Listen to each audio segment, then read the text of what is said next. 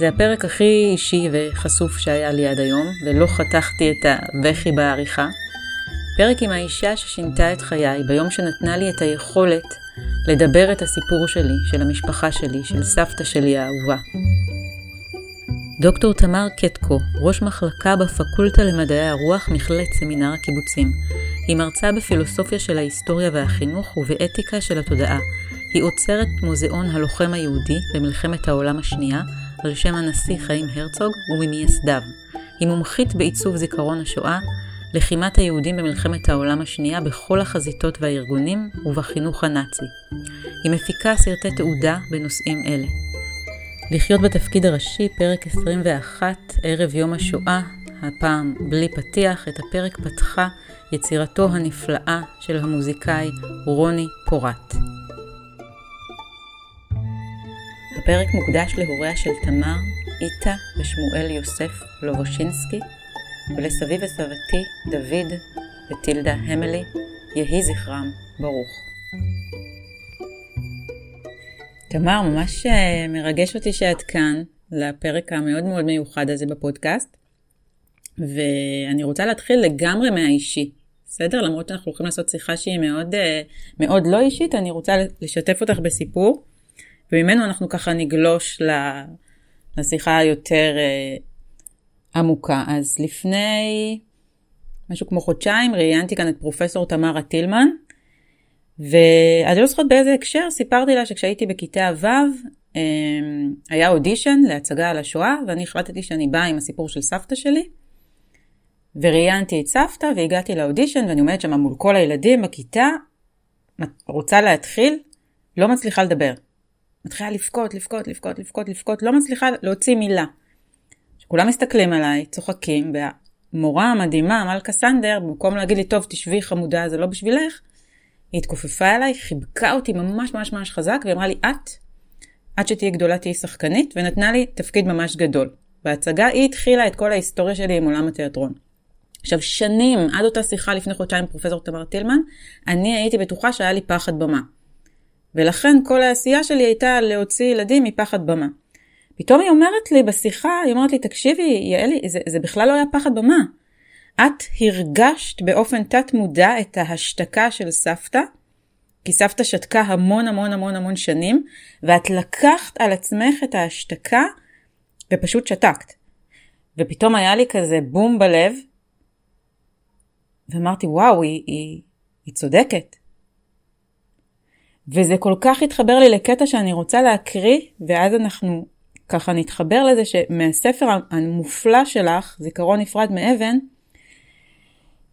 אני אקח רגע נשימה, ואת אומרת, חשוב לדעת שקיימים אלמנטים של השתקה או התעלמות מכוונת, שהובילו את מעבדי הזיכרון המשותף להחליט מה מבין הסיפורים והעובדות ייכללו בנוסח הזיכרונות הכתובים, והפיכתם לסיפור מורשת בבחינת קונצנזוס, קונצנזוס לאומי והיסטורי.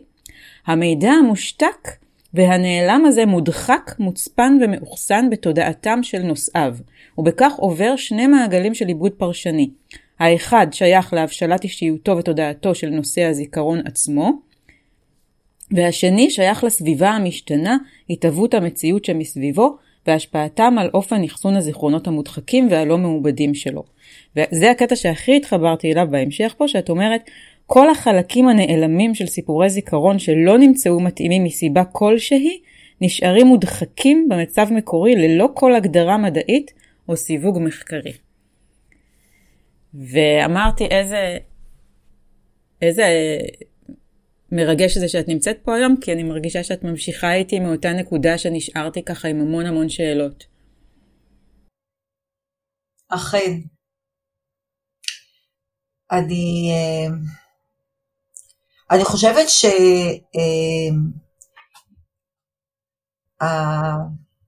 שהשיחה אה, שלנו היא, היא מרגשת כפליים. כי את uh, מתחילה מאיזושהי תמונת זיכרון בילדות, והחיבור הזה שיצרת היום מחזיר אותי גם לילדות, כי משם הכל התחיל, ושם הכל הודחק, וה... העינויים הבלתי נתפסים שילדה כמוני עוברת כשהיא נאלצת לבנות לעצמה שני עולמות במקביל, שני עולמות פעילים במקביל, אמ, אני חושבת שצריך באותה נשימה גם ליצור איזושהי שפה שתאפשר לי להדחיק את העולם ההוא בבית, על מנת שאני אוכל לתפקד בעולם המקביל שבניתי לעצמי בחוץ. בסך הכל ילדה, בתוך סביבה אה, משתיקה, בתוך סביבה גם בית ספרית, גם חינוכית, גם תקשורתית, גם חברתית, ש, שנכפה עליה לבחור מה ייכנס לפריים של הזיכרון, של הטקסטים בספרי לימוד ומה לא. כלומר, הסיפור של מלחמת העולם השנייה והסיפור של השואה בתוך כל הסיפור הגדול, אנחנו קוראים לזה ההיסטוריה הגדולה, ההיסטוריה הגדולה של מלחמת העולם השנייה, ובתוכה יש איזה סיפור, פרק, סיפור משני של השואה, זה חתיכת תסריט שהיה איזשהו צוות מאלה שהחליטו מה ייכנס אה, לתוכניות הלימודים, מה יוקרן, מה ישודר, מה יסופר, וחלקים מסוימים פשוט אה, עברו עריכה ונשארו על רצפת חדר העריכה, ככה אני קוראת לזה. השאלה היא האם זרקו את זה לפח, אה, גנזו את זה, או דרכו ו- ורמסו והעלימו את זה.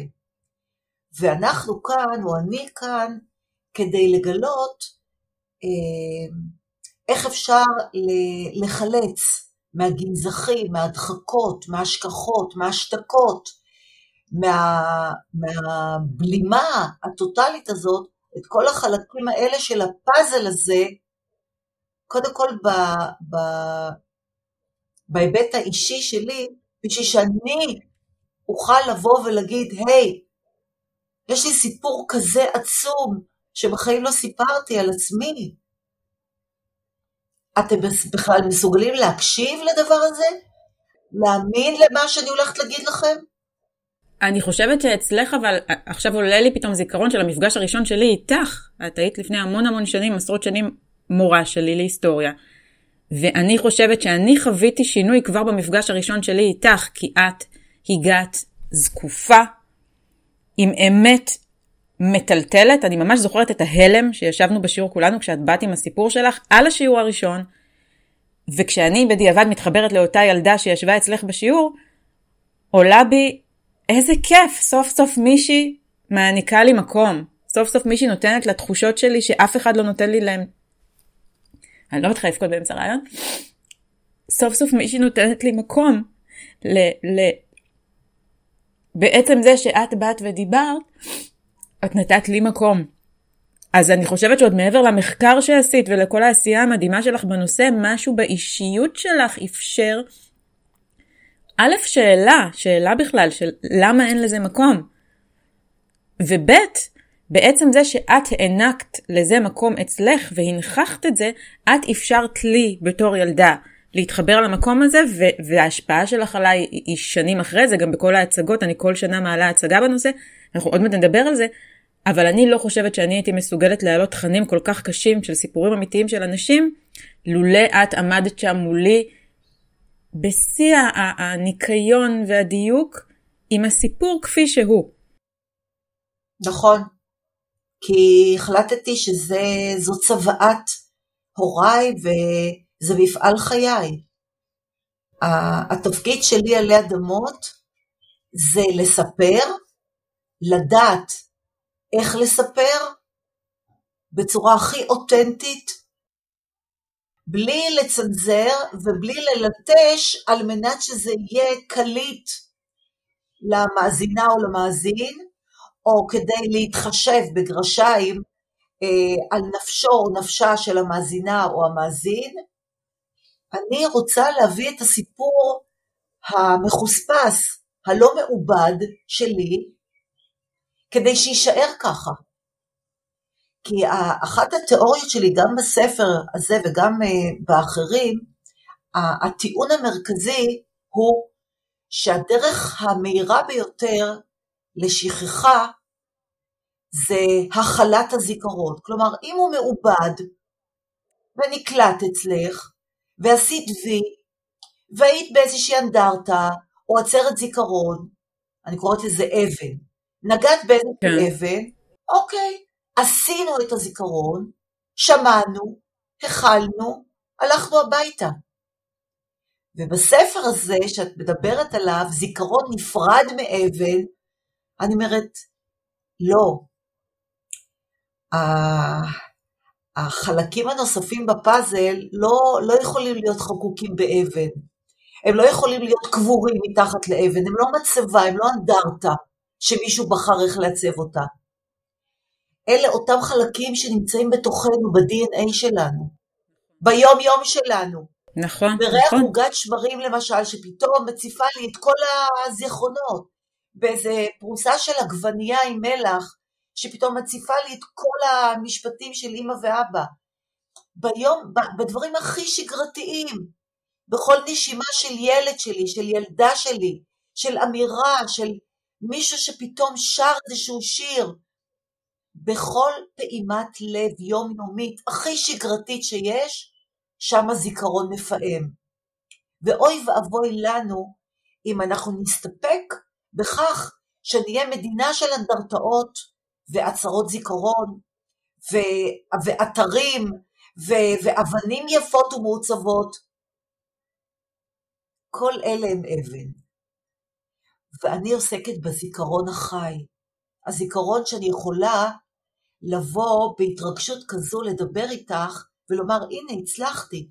הזיכרון החי שאני הפעמתי פועם בך, והוא יפעם בך ואת מפעימה עוד מאות ואלפים ואלפים אחרייך. כן. זו בדיוק המטרה, עצם העובדה שאת מדברת.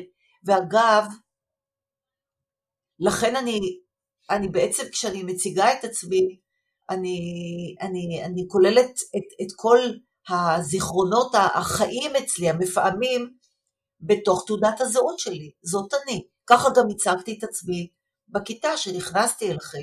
נכון. שמי תמר קטקו, אני באה מבית כזה וכזה, אני ילדת שואה. אני ילדת שואה. השואה זורמת בדמי. אני לא ניצולת שואה, גם הוריי לא היו ניצולי שואה. ניצול שואה הוא מי שלא היה שם. הוא ניצל. כן. לא הוריי ניצלו, אבל גם אני לא ניצלתי. את יודעת מה? גם ילדיי לא ניצולי שואה. אגב, אני לא יודעת אם, אה, אם את זוכרת, משהו מאוד מאוד אישי. הסבתא הזו, שאת מדברת עליה כל כך, נכון? סבתא כן. נמלי? סבתא טילדה, כן. את יודעת שהיא הייתה שכנה שלנו. אנחנו, היא, היא הייתה, אני, היא, וואו. היא הייתה שכנה. אני לא ידעתי. כן. לא ידעתי את זה. כן. וישר שאלתי אותך מה הקשר, ואת אמרת כן, נכון, וזה, ואני לא זוכרת, אני לא יודעת אם את הפנמת את זה, אבל אה, אה, ההורים שלי ומשפחת אלי היו מאוד מאוד מאוד מאוד מחוברים. וואו, אני לא ידעתי את זה. כן. שעות הם דיברו על המחנות ועל כל מה שהם עברו, ו- ורק בינם לבין, בין, בין אימי ולסבתך, בינן לבין עצמן, כי אף אחד לא רצה להקשיב. אבל את יודעת, יחד איתך, בערב יום השואה, כשהפרק הזה יעלה, יעלה גם פרק שלמזלי, ולא יודעת באיזה מזל שאני בן אדם נוסטלגי ששומר הכל, אני שמרתי הקלטה מגיל 12 של סבתא שלי, שעשיתי לעבודת שורשים, הקלטה של שעה, שהיא מספרת, לא הכל, אבל היא מספרת והיא משתפת, וזה מה שהולך לעלות, וזה הולך להישאר לנצח ברשת. מדהים. אני, אני כל כך שמחה ששמרתי את זה, ואם עד היום כל פעם העלינו את הסיפור שלה באחת ההצגות שלי, הפעם הסיפור המלא הולך לעלות, ואני מרגישה שזה איזושהי סגירת מעגל עם אותה ילדה שלא הצליחה לדבר. כי הנה אני מצליחה לדבר, והנה אני לא שותקת יותר, ותכף אנחנו, אנחנו נדבר, נהפוך את זה רגע מהאישי לקולקטיבי, אני חושבת שהחטא הכי גדול בשכחה הוא, הוא חטא ה... ההתנתקות מה... מה את, את דיברת על מחויבות לאומית, אני רואה את זה אפילו יותר עמוק מהמחויבות האנושית. כי אני, כש, כשהמילה שואה עולה לי, אני חושבת שגם יש איזה משפט שאת אמרת, אני ציטטתי אותו פה במחברת שלי, השואה אינה בעיה רק של היהודים, השואה היא בעיה של בני האדם בכלל. נכון. ואני מאוד, המשפט הזה פשוט עשה לי צמרמורות בכל הגוף, כי אני מרגישה שאסור לנו להישאר בתודעת הקורבן בלבד. ואם יש שלב שאני רוצה לקחת את זה הלאה, זה את התודעה של, אם אני רגע שמה בצד את המילה קורבן, איפה זה שם אותי כרגע בתור דור שלישי? את יודעת, אה, זה בדיוק, אה, זו בדיוק נקודה שאני עוסקת בה בשנים האחרונות אה, כאוצרת מוזיאון הלוחם היהודי, על שם הנשיא חיים הרצוג, שייפתח בחודשים הקרובים, זה פרויקט של כמעט 21 שנים, שאני עוסקת במח... במחקר מקביל, ויותר ויותר שהתעמקתי יחד עם טובי ההיסטוריונים בנושא הזה, ובהחלטה להקים מוזיאון, אה, זה בא מתוך החלטה הרבה יותר עמוקה, שהיא בעצם חזון, לשנות את התודעה הזאת. לשנות כן. את התודעה שהתקבעה אצלנו כשאומרים שואה, מה את רואה לנגד עינייך? את הקורבנות המובלים אה, למשרפות. ופתאום מחקר של עשרות שנים בארץ ובעולם, אני מגלה שיש איזשהו חלק בתוך הנרטיב הזה שהוא מחוק, שהוא לא נלמד.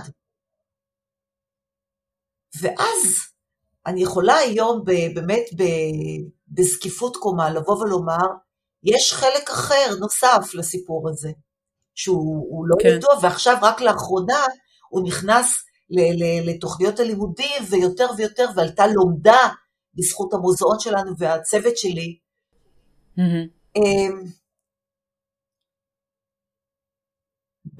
בפרוץ מלחמת העולם השנייה היו בערך 15 וחצי מיליון יהודים בעולם. כן. שישה מיליון נספו. זאת אומרת שנשארו בערך תשעה וחצי מיליון, בערך, הכל בערך, זה לא סטטיסטית. מתוך התשעה וחצי מיליון האלה,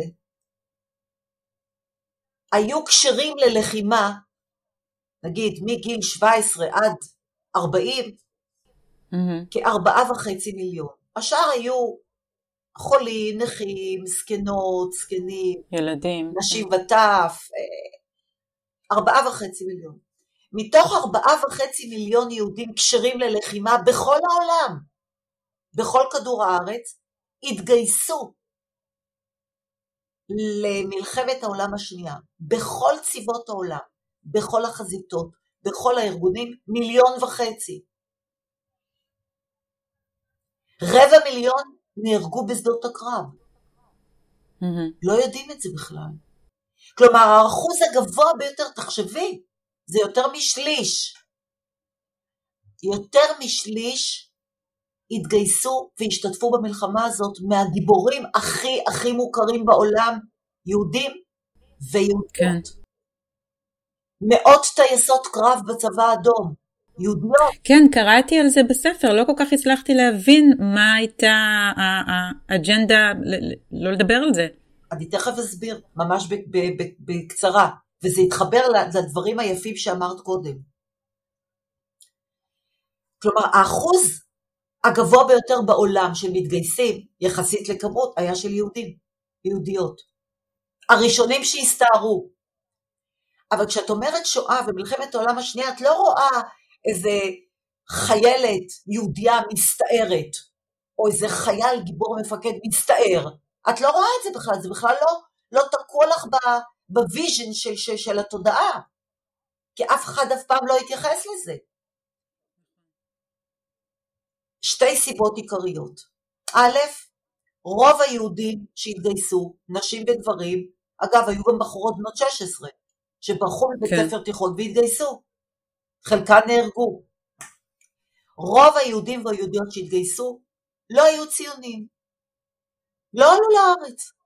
חזרו בחזרה לקנדה, לארצות הברית, לניו זילנד, לאוסטרליה, לרוסיה, לצרפת, להולנד, לדרום אפריקה, לא עלו ארצה. מותר לבן אדם לא להיות ציוני, אבל להתגייס לצבא כאזרחי אותה מדינה, כיהודי, שאתה שומע שיש פה איזה כוח שקוראים לו גרמניה הנאצית, שלא רק רוצים להשתלט על העולם, אלא רוצים למחוק טוטאלית את העם היהודי, את הגזע הזה. אז אני כאן להתגייס מיד, להצטרף לכוח האדיר הזה, העולמי הזה, בלי קשר לציונות, כדי לתרום את חלקי במיגור האסון הזה האנושי שקוראים לו גרמניה הנאצית. סיבה אחת. סיבה שנייה, ב...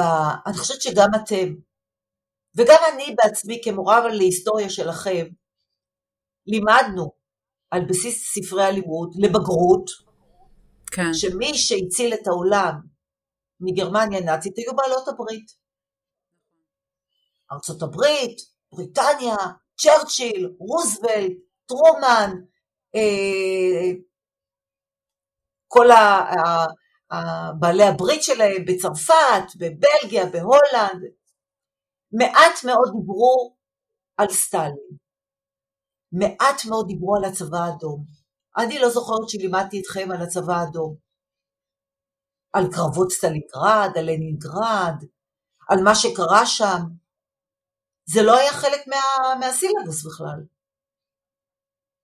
והנה, ההיסטוריה מלמדת, בכל השנים ש, שאני עוסקת בזה, שלמעשה מי שעשה את כל העבודה הקשה, מי שקטש את הצבאות הנאצים, באמת היה הצבא האדום.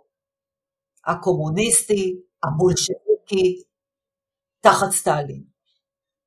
אבל הפוביה נגד האדום הזה, הבולשביזם הזה, הקומוניזם הזה, שהיה נחלתם של האמריקאים, של הבריטים, של בכלל של העולם המערבי, הפוביה הזאת, האובססיביות נגד הקומוניזם, היו כל כך אה, עמוקים, הפחדים האלה, החרדות האלה, שמא השתלט הקומוניזם על הדמוקרטיה, על העולם המערבי, שהם לא כללו את הסיפור ההירואי הזה של הצבא האדום, ודי דחקו אותו לשוליים, גם כאן במדינה שלנו. האמת היא שכשהיה ה-D-Day, שהייתה פלישה לנורמנדי ביוני 1944, שמדברים עליה והפיקו סרטי קולנוע עליה, על הפלישה הזאת, שהיא זו שבעצם חתמה את גורלה של גרמניה הנאצית, כשהם כבר פלשו, הרוסים כבר היו ב- ב- על סיפם של מחנות ההשמדה. הם כבר חיסלו את כל הצבא הגרמני שם. הם כבר היו בדרך לשחרר את, את, את מיידנק ואושוויץ. הם, הצבא האדום. ליתר דיוק, היחידות היהודיות בצבא האדום. וכשהם כבר עשו את רוב העבודה, אז היה ה-D-Day, ואז בצורת מלקחיים הם המשיכו לדהור הרוסים, שחררו את פולין, הגיעו לברלין, ומהמערב הגיעו בעלות הברית דרך אה, אה, צרפת ו... ו... ו... והגיעו ב... ונפגשו ב... בגרמניה. יופי. אבל זה היה רק מיוני 44 עד מאי 45, פחות משנה. הצבא הסובייטי, הקומוניסטי, התכתש עם גרמניה הנאצית מ-1941 עד 1945. אבל לא מרחיבים על זה, וחלילה שלא יתפרש שאנחנו הולכים עכשיו להלל ולשבח את הצבא הקומוניסטי ואת סטלין. כן. ולכן זה הודר. זה נמחק מההיסטוריה הגדולה, לא רק במדינת ישראל, אלא בעולם בכלל. בעולם, כן. לאט לאט, אחרי מלחמת המפרץ, שהייתה עלייה גדולה מברית המועצות, והגיעו לפה וטרנים, הוותיקים של המלחמה, ובתשעה במאי התחילו להסתובב בכל הארץ, גם בנתניה, אצלנו, עם כל מיני מדליות, חשבנו שהם התחפשו ל... לא הבנו מה, מה, מה הקטע שלכם. מה אתם מטיילים עכשיו עם ידיים? לא, אה, פורים היה כבר. לא ידענו על זה שום דבר. ולאט לאט צף ועלה כל הפרק הזה, ההירואי הזה, שלא ידענו עליו שום דבר. וזה יהיה חלק משינוי תודעתי, אגב, במוזיאון כן. מדהים. פתאום מראים את הסיפור המלא. רוצה לומר, כן, הייתה שואה. מי שנלכד בצוותי המשטר הנאצי, מי שנפל קורבן לא מבחינה גנטית ואישיותית, אלא נפל קורבן לתרמית הזאת של העברה למזרח, ולא התאפשר לו להילחם, הושמד. אבל כל מי שהצליח לא להידחס לרכבות האלה, לא להידחס לגטאות, לא להידחס למחנות הריכוז ובורות ההריגה, נלחם. זאת נקודה שחייבים ללמוד ולדעת ולשנן. כלומר, ב-DNA היהודי אין רפיסות. זה משהו שהתקבע גם בעולם מבחינה, אה, בואי נאמר, אה, בעת הזאת פוליטית. לגמרי, אה, לגמרי פוליטית. מה זה יהודי?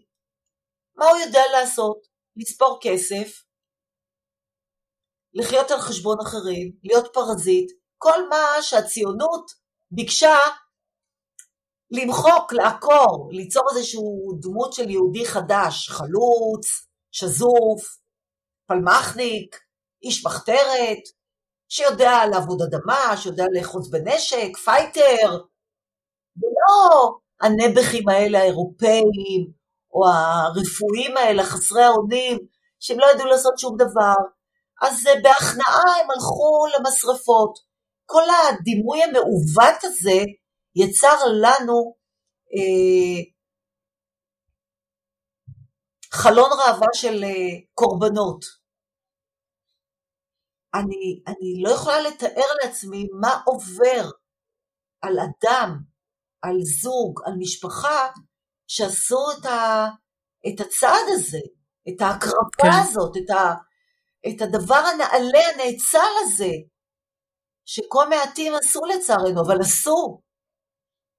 עכשיו אני רוצה להחזיר את כל מה שאמרנו עכשיו לבן אדמיות. למה כל כך פוחדים, למשל, לנהל שיחה כמו שאנחנו מנהלות עכשיו? גם בארץ, גם בעולם. בכל העולם, כי זה חושף בעיניי את, ה... את הרוע האנושי. זאת אומרת, כי זה ממש מעמיד בפניי מראה ששואלת אותי, האם את היית יכולה להיות נאצית? אם היית גרה ב... ב... בתקופה הזאת בגרמניה, ואת יודעת מה, תמר? אני יכולה להגיד לך שאין לי תשובה. אני לא יודעת לענות לך על השאלה הזאת, כי אם היו מרעילים אותי ומהפנטים אותי ומתכנתים אותי מגיל אפס, אני לא יודעת מה הייתי עושה. אני, אני לא בן אדם שאני אגיד לך, לא, לא, לא, לא, אני לא, אני לא יודעת. כי, כי, כי אם אני אבוא ואני אגיד לך, אני יודעת, זה אומר שאני אמ, חושבת שאני יותר טובה ממישהו אחר. ואני לא. אני אנושית בדיוק כמו אה, אה, אותם אנשים שחיו שם, וזה הסכנה הכי גדולה. זו הסכנה הכי גדולה, כי אם אני לא מודעת לזה שבכל בן אדם בעיניי, אני לא מאמינה בטוב ורע, אני מאמינה שבכל בן אדם יש גם וגם. נכון. אז אם אני לא מאמינה שיכולים לשלוט לי במחשבה, ואני לא אהיה זהירה מספיק בשביל לשים לב מתי זה התודעה שלי ומתי שולטים לי בתודעה, אין שום הבדל ביני לבין, אה, לבין אותו, אה, באמת, כמה שזה נשמע נורא להגיד, אבל... את uh, הגדרת עכשיו תובנה עילאית. זה אחת התובנות הכי חשובות מכל מה שאני כותבת וחוקרת. אנחנו כולנו בני אדם, וככל שנהיה יותר אינטליגנטים, יותר אינטליגנטיות, נצטרך יותר להיזהר מפני עצמנו. נכון. מפני שבשם האינטליגנציה והאידיאולוגיה והתיאוריה והצדקה של כל אלה, אדם מסוגל לעשות הכל. נכון. גם את וגם אני. נכון. ולכן הגבולות, שמירה על הגבולות, זה דבר קריטי. לא כל שכן בעת הזו, במציאות שהיום, שאנחנו חיים בה, והנה, זה סותר לנו לתוך הפרצוף. לגמרי. זה מכה בנו. אבל את יודעת מה, אני, אני, אני, אני אגיד לך משהו היום, אני שמחה שזה קורה. כי אני חושבת שזה, כל החרא היה כל הזמן, הוא פשוט צף למעלה. שום דבר חדש לא קורה פה. פשוט אנשים, היום ראיתי פוסט של מישהי בפייסבוק, שפתאום התעמתה עם איזה חברה שלה שחזרה בתשובה, שהיא טוענת שהיא לא יהודייה. אמרתי לה, מעולה, מעולה, סוף סוף השאלה של מיהו יהודי עולה לשולחן. כמה אפשר להדחיק את השאלה הזאת? כמה? כמה אפשר לטאטא אותה מתחת לשטיח? הנה, זה עולה. אמת. כן. וזה, וזה מחזיר אותי למה שאמרת, למילה שאמרת, אנושיות ובני אדם. אני בשנים האחרונות מנסה ממש להסיר ממני זהויות. זאת אומרת, קודם כל אני בן אדם, אחר כך אני יהודייה. וזה תמיד היה הפוך, אני תמיד הייתי קודם כל יהודייה, היו שואלים אותי מה, דבר ראשון שהייתי אומרת יהודייה. היום אני, אני יהודייה, אבל אני קודם כל בן אדם ואני לא מרגישה שאני מעל אף אחד אחר בשום מצב. ואני לא אגיד משפט ש, שמטריד אותי כי זה באמת כבר קיצוני מדי, אבל אני חושבת שכל מה שקורה עכשיו במדינה הוא, הוא אני אופטימית, אני חושבת שאי אפשר לפתור דברים אם הם לא, כמו שדיברנו על השתקה, אם הם לא על, על, על פני השטח. אי אפשר גם להדחיק וגם לא לראות וגם לטפל, אי אפשר, והכל עכשיו צף, כל הבלגן צף, ותהיה תקופה קשה, תהיה תקופה מאוד קשה, אבל היא תוביל לדברים טובים בעיניי בסופו של דבר, כי אין מה לעשות, צריך להגיע לעימות כדי להגיע לאיזשהו סוג של פתרון כולל להכל. ואי אפשר להגיע אליו בלי, בלי כל מה שקורה עכשיו בעיניי. אני לגמרי איתך, מאוד איתך, ואני בכלל uh, מאמינה גדולה בלעשות ניקיונות פסח כל יום. לגמרי. זאת אומרת, כדי לנקות את עצמנו כמו שצריך, אנחנו uh, צריכות, צריכים איזושהי רעידת אדמה, איזושהי טלטלה, כדי לנער, לנער את כל השטיחים, אבל מה זה להכות בהם, שכל האבק, של כל קרדית האבק, שכל מה ששקע בתוך הסיבים הכי הכי דקים, שהכל יצא, שזה יצא. פשוט לעשות איזשהו זיכוך, ריסטארט, אבל אמיתי, לא על פני השטח, על מנת לפנות מקום לראייה מפוקחת, לגבולות, ש, ש, ש, שמישהו איכשהו אה, העלה בהם עובש. אני גם רואה את זה, אם חוזרים ליהדות, זה, זה מאוד מתקשר גם לכל הנבואות בתנ"ך.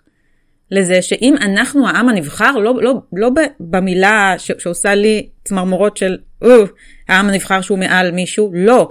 העם שבא להראות שאפשר לחיות כאן בהרמוניה, ובאמת בזה לתת דוגמה, שזה בזה נכשלנו מרגע קום המדינה. ואני לא מדברת בכלל על ערבים יהודים, אני מדברת על החיים בתוכנו. בינינו לבין עצמנו. אני, אני חושבת שלא באמת הייתה פה דמוקרטיה אמיתית אף פעם. אין דבר כזה, דמוקרטיה. יש ניסיונות בארצות הברית, יש ניסיונות בכל מיני מקומות, אבל ממש דמוקרטיה אין, מפני ש... אני חושבת שנתחיל במינוח שהוא מוטעה, וזה מתאים לי מאוד אה, לדבר על המינוח המוטעה, ואני באמת נותנת הרצאות רק על זה. דמוקרטיה זה דמוס קרטוס ביוונית. מה זה דמוס קרטוס? כל מי שאני שואלת, ישר אומרים לי, אה, שלטון העם. נכון, היום יש שלטון העם. שלטון העם זה אנרכיה. מה זה שלטון העם? כל העם, כולם, האספסוף, המושחתים, כולם שולטים? לא. אז דמוס קרטוס, הדמוקרטיה של פריקלס, של הפילוסופיה היוונית, של העת ההיא, ממש לא התכוונה לזה. דמוס קרטוס זה שלטון חוקת העם. שלטון של חוקה, שלטון של חוקים, ודמוקרטיה זה האוסף הגדול ביותר של חוקים מגבילים ותוחמים, על מנת לאפשר עושר באלף, שוויון, מקום לכל קול, מקום לכל אדם, אדם באמונתו יחיה, שיאפשר את היכולת הזו של שיתופיות, של התחשבות, של הזנה הדתית והדדית, מצב כזה יכול להתאפשר אך ורק אם יהיו לנו חוקים שמגבילים כן. את הזליגה או את הרמיסה של איש את רעהו. וככל שבדמוקרטיה יש מעט מדי חוקים, וכפייה, מה שנקרא, מה זה דמוקרטיה? הרוב קובע. לא נכון. מה זה הרוב קובע? אז הרוב רומס את המיעוט? לא. יופייה של הדמוקרטיה הוא שהרוב דואג למיעוט, דואג כן. להעלות את המיעוט, לתת לו את כל מה שמגיע, לעשותו שווה ערך לרוב, לא מספרית, אנושית. כלומר, כל הערכים האלה כל כך השתבשו, שהיום דמוקרטיה נשארה רק איזו מילה על שלטים בהפגנות. אנחנו לא ממש יודעים לעשות דמוקרטיה, לחיות בדמוקרטיה. אנחנו כל הזמן מחפשים איך לדפוק את המערכת, איך אה, לנצל, איך אה, לדאוג לעצמי, כן, המשפט האלמותי הזה, איפה זה פוגש אותך? אותך! מה זה איפה זה פוגש אותי? איפה אני נמצאת? איפה זה, זה, זה מתחבר אליי? הנרקסיזם הזה, ההשמה של עצמי ועצמי ואני ואפסי עוד כל הזמן במרכז, בעצם מוחק את המסביב. ומה... בדיוק אתמול אני הרגע... אתמול הגדרתי את זה, את יודעת? כי הרבה אנשים הבינו לא נכון את הכותרת של הפודקאסט שלי, של לחיות בתפקיד הראשי, ואמרתי לחיות בתפקיד הראשי זה ממש לא אני בשביל עצמי. זה להיות מחוברת לסנטר שלי, למען החזון וההשראה שאני אשאיר בעולם, ומה יהיה כתוב על המצבה שלי, ומה עשיתי בשביל אחרים. זה לחיות בתפקיד הראשי. ואני חושבת אבל שלשם אנחנו הולכים. נכון. אני ממש מרגישה את זה תודעתית אצל אנשים. אני מאוד אופטימית, כמה שהשיחה הזאת נשמעת קשה, אבל אני מאוד מאוד אופטימית. אני, פתאום עולה לי ככה הכנס ש, שאז הזמנת אותי אליו, שהיה ב, בהבימה, ויש כל כך הרבה אנשים נפלאים, באמת. נכון. ואני חושבת שהש, שהשינוי יתחיל מלמטה. מלמטה הוא יתחיל כי, כי בסופו של דבר, ופה אני עולה רגע מימד, התודעה האנושית משתנה כרגע ככלל. משהו בהוויה התודעתית האנושית מתפתח אבולוציונית, נכון. ועל כן שליטה לא יכולה יותר להתממש. אז שוב, תהיה תקופה לא פשוטה בכלל, אבל אני לגמרי מאמינה שאנחנו בעוד שלב קדימה, באמת של חיים שחוזרים להיות שיתופיים ואיזושהי תודעה קולקטיבית אחת. הכל קורה לשם. זאת אומרת, כל מה שקורה עכשיו מוביל לשם. ו- וזה מתחבר לי לשאלה האחרונה שאני רוצה לשאול אותך ככה בתור, אה, נקרא לזה המנטורית שלי לצורך העניין כרגע, זה איך היית... מאוד. נכון? את הרבה יותר ממנטורית. את, אני בדיוק חשבתי על זה, אמרתי לבעלי, אתה יודע, הם ישאלו אותי ככה, על יד אחת, מי החמישה אנשים שהכי השפיעו על חיי, אז תמר קטקו היא הראשונה. ממש מחמיא לי, יעל, ממש את מרגשת אותי מאוד. זה, זה ידוע, מה, אני לא סתם צורחת כל פעם שאני פוגשת אותך ברחוב. אז רציתי לשאול אותך באמת, כי אני כל פעם משכתבת מחדש את המחזות שאני מעלה בנושא השואה, זה אם הייתי מזמינה אותך עכשיו להצגה שלי בנושא השואה, מה העצה הכי טובה שהיית יכולה להגיד לי כדי להעביר את זה לדור הרביעי, לילדים שלי שכבר לא הכירו את סבתא, לילדים שפחות חווים את זה בבית, מה העצה שהיית נותנת לי? על זיכרון שהוא באמת זיכרון אישי וקולקטיבי, אמיתי. אני חושבת שלקחת אה, נער או נערה שעוזבים הכל, אה, ומתגייסים לצבא זר. זה משהו שהוא חדש, משהו תודעתי חדש, ונער או נערה ש... שאיבדו את משפחתם. כן. שירו בכל, ו... ואני ראיינתי מאות כאלה, אם לא יותר. זה טירוף, את, את, את יודעת, אני שמעתי סיפורים, וחלקם גם אה, עשיתי סרטי תעודה בארץ ובעולם. אה, נער בן 15 או 16, שבאה פלוגה נאצית, מרססת את כל המשפחה, את כל הכפר, והוא טיפס על עץ. הוא נשאר לבד. כל הכפר שרוף, חרוך. כל בני הכפר, כל המשפחה שלו, בתוך בור גמורים. הוא נשאר על העץ, לילה, הוא יורד לאט מהעץ, ומתחיל לרוץ ביער. רץ, רץ, רץ, רץ, פתאום הוא רואה איזה פלוגה של אה, פרטיזנים. אומר, תראו, אני נשארתי לבד, אני עוד לא מלאו לי 16, אני רוצה להילחם. ומצרפים אותו, הופך להיות מפקד, גיבור, פעמיים גיבור ברית המועצות, ובסופו של דבר הוא גם אה, מוביל אה, טנקים ופורץ לברלין. עכשיו, יש מאות ואלפים של סיפורים כאלה. יש סיפורים כאן מהיישוב.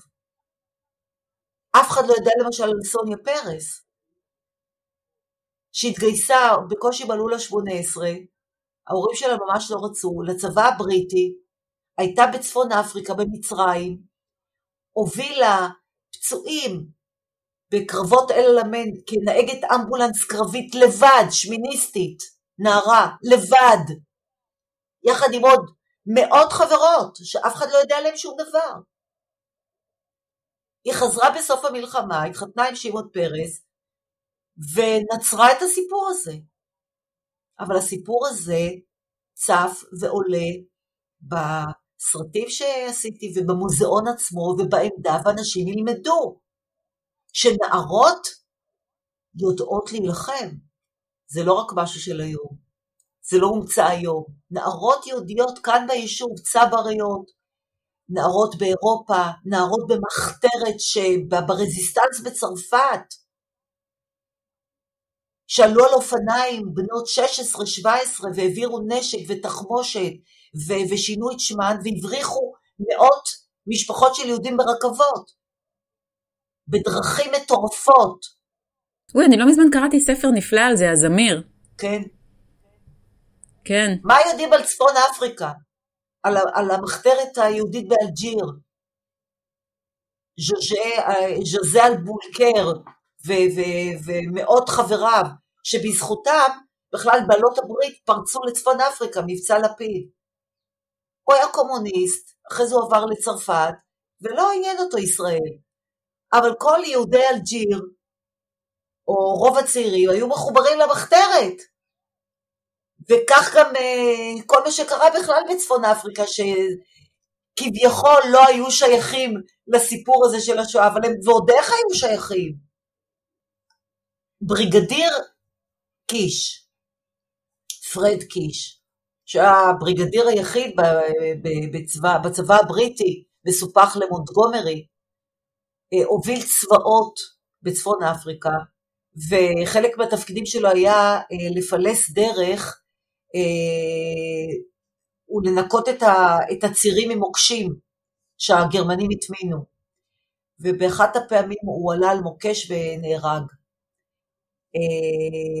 אה, אחד האנשים הגיבורים, באמת, אה, הידועים, על החרב שהוא קיבל מהמלך ג'ורג', הסבא של המלך צ'ארלס הנוכחי, חרוט מגן דוד מזהב, את החרב הזה אה, מצאתי אה, והוא יוצג, אה, ויוצג במוזיאון, אבל הסקופ הוא שזה הסבא של שר החינוך שלנו, יואב קיש. וואו. ואת החרב הוא העניק לו כשהוא סיים קורס טיס. מה זאת אומרת? יש חיבורים. אז הנה, אני לא יודעת עד כמה, אה, יואב כן מדבר על זה, מזכיר את זה. אבל מדהים. צריך לזכור שיש מאות אלפי סיפורים כאלה שלא יודעים, וכל חלק יוצר איזושהי תמונת פאזל לגמרי שונה על כל הפרק המטלטל הזה שקוראים לו שואה במלחמת העולם השנייה. ואני חוזרת לתובנה הנפלאה שהצגת. אה, חיינו בידינו.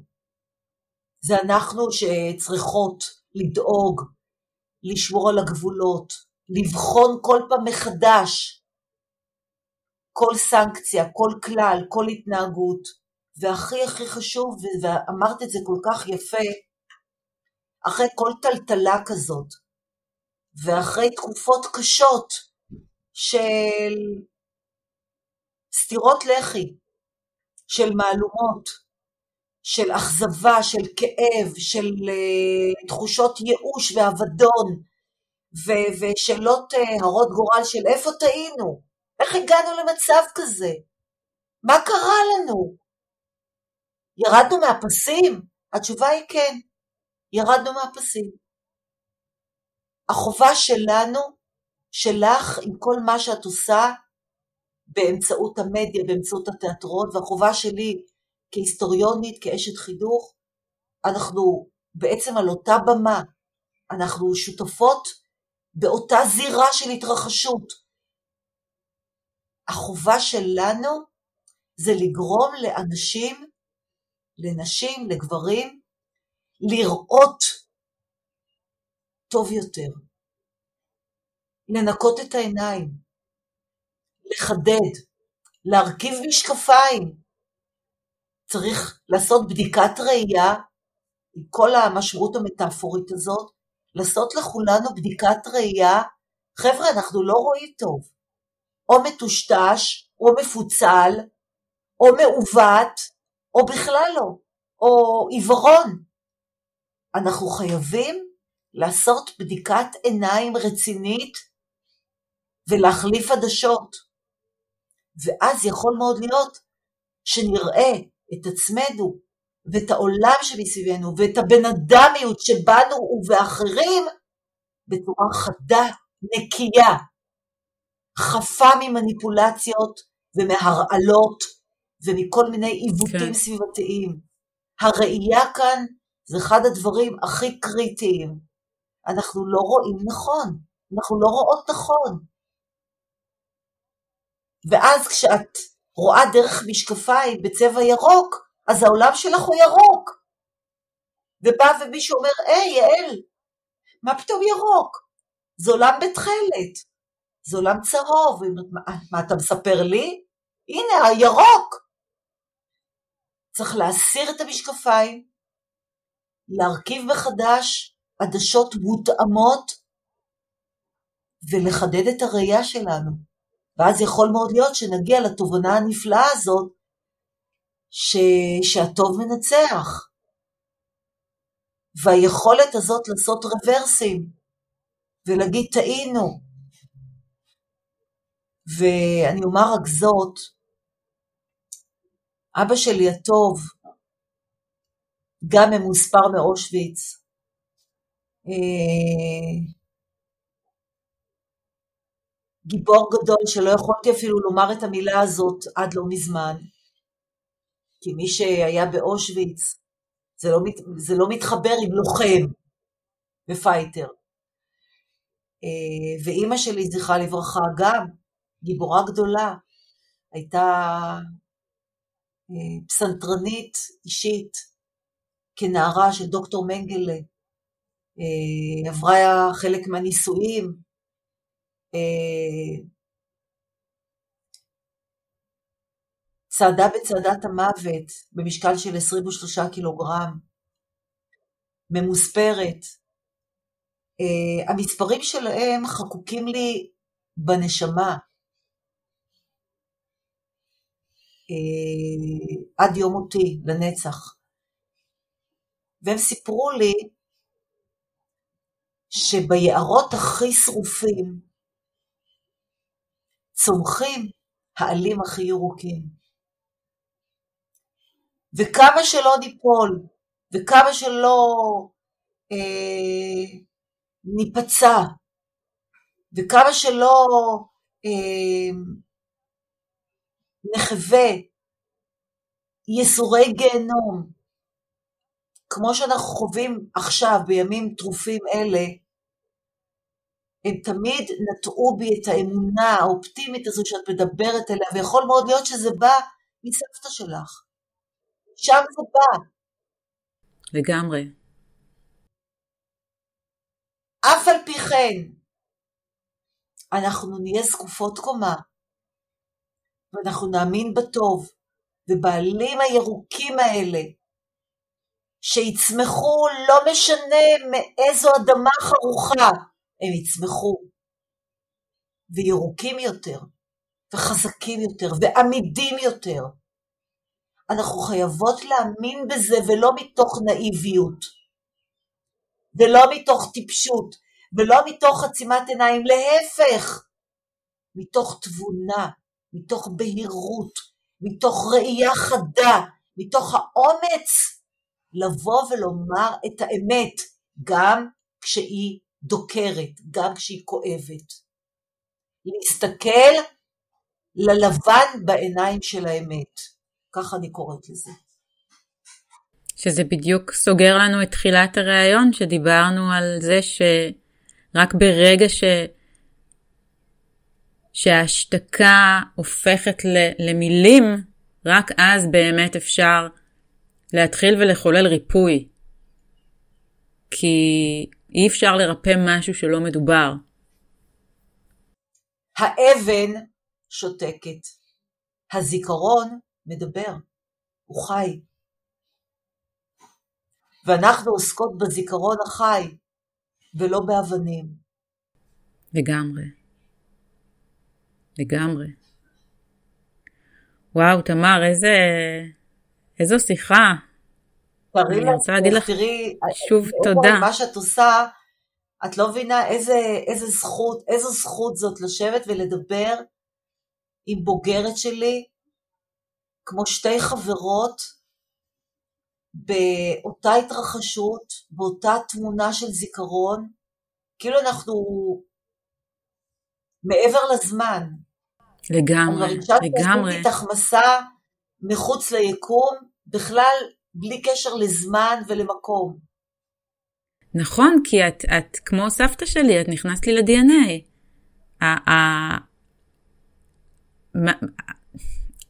אין לי אפילו מילים להגדיר את זה, אבל המהות, המהות הפנימית העמוקה שאת הבאת איתך, היא נטמעה בי בגוף. אני לא חושבת ש, שהייתי עושה שום דבר ממה שאני עושה אם לא, אם לא, אני חושבת שאמרתי את זה לאחת המרצות שלי בתואר השני.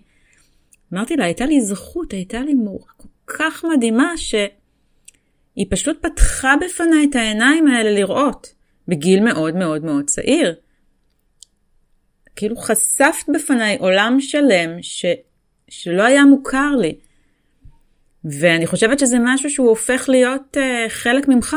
זאת אומרת, נכון. זה, זה מעבר ללימדתי אותך היסטוריה, זה לימדת אותי איזה בן אדם אני רוצה להיות. וגם אה, לימדתי, אני מקווה שלימדתי ואני עושה את זה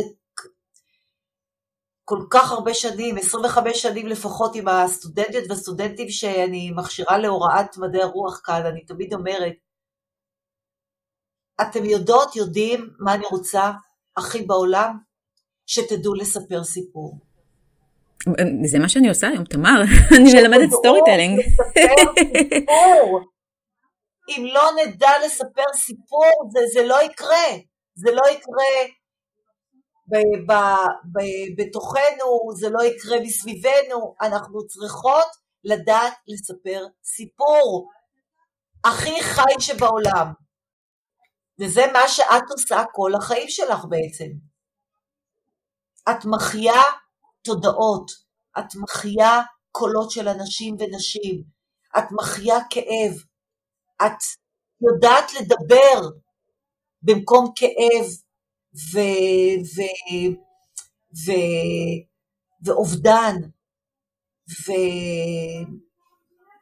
והתלבטות ואבסורד, את יודעת לתת לזה ביטוי במילים, בסיפור. את לא מבינה במזחית. זה פרס להיות מסוגלת לעשות את מה שאת עושה. זה פרס. זו מתנה, מתת אל. זהו. וואו, איך מסיימים ראיון כזה? כלום, בא לי להיכנס למסך ולחבק אותך, ואני לא יודעת איך לא לעשות את זה. תמר, תודה רבה רבה רבה. אני אזכור את המפגש הזה לנצח בחיי.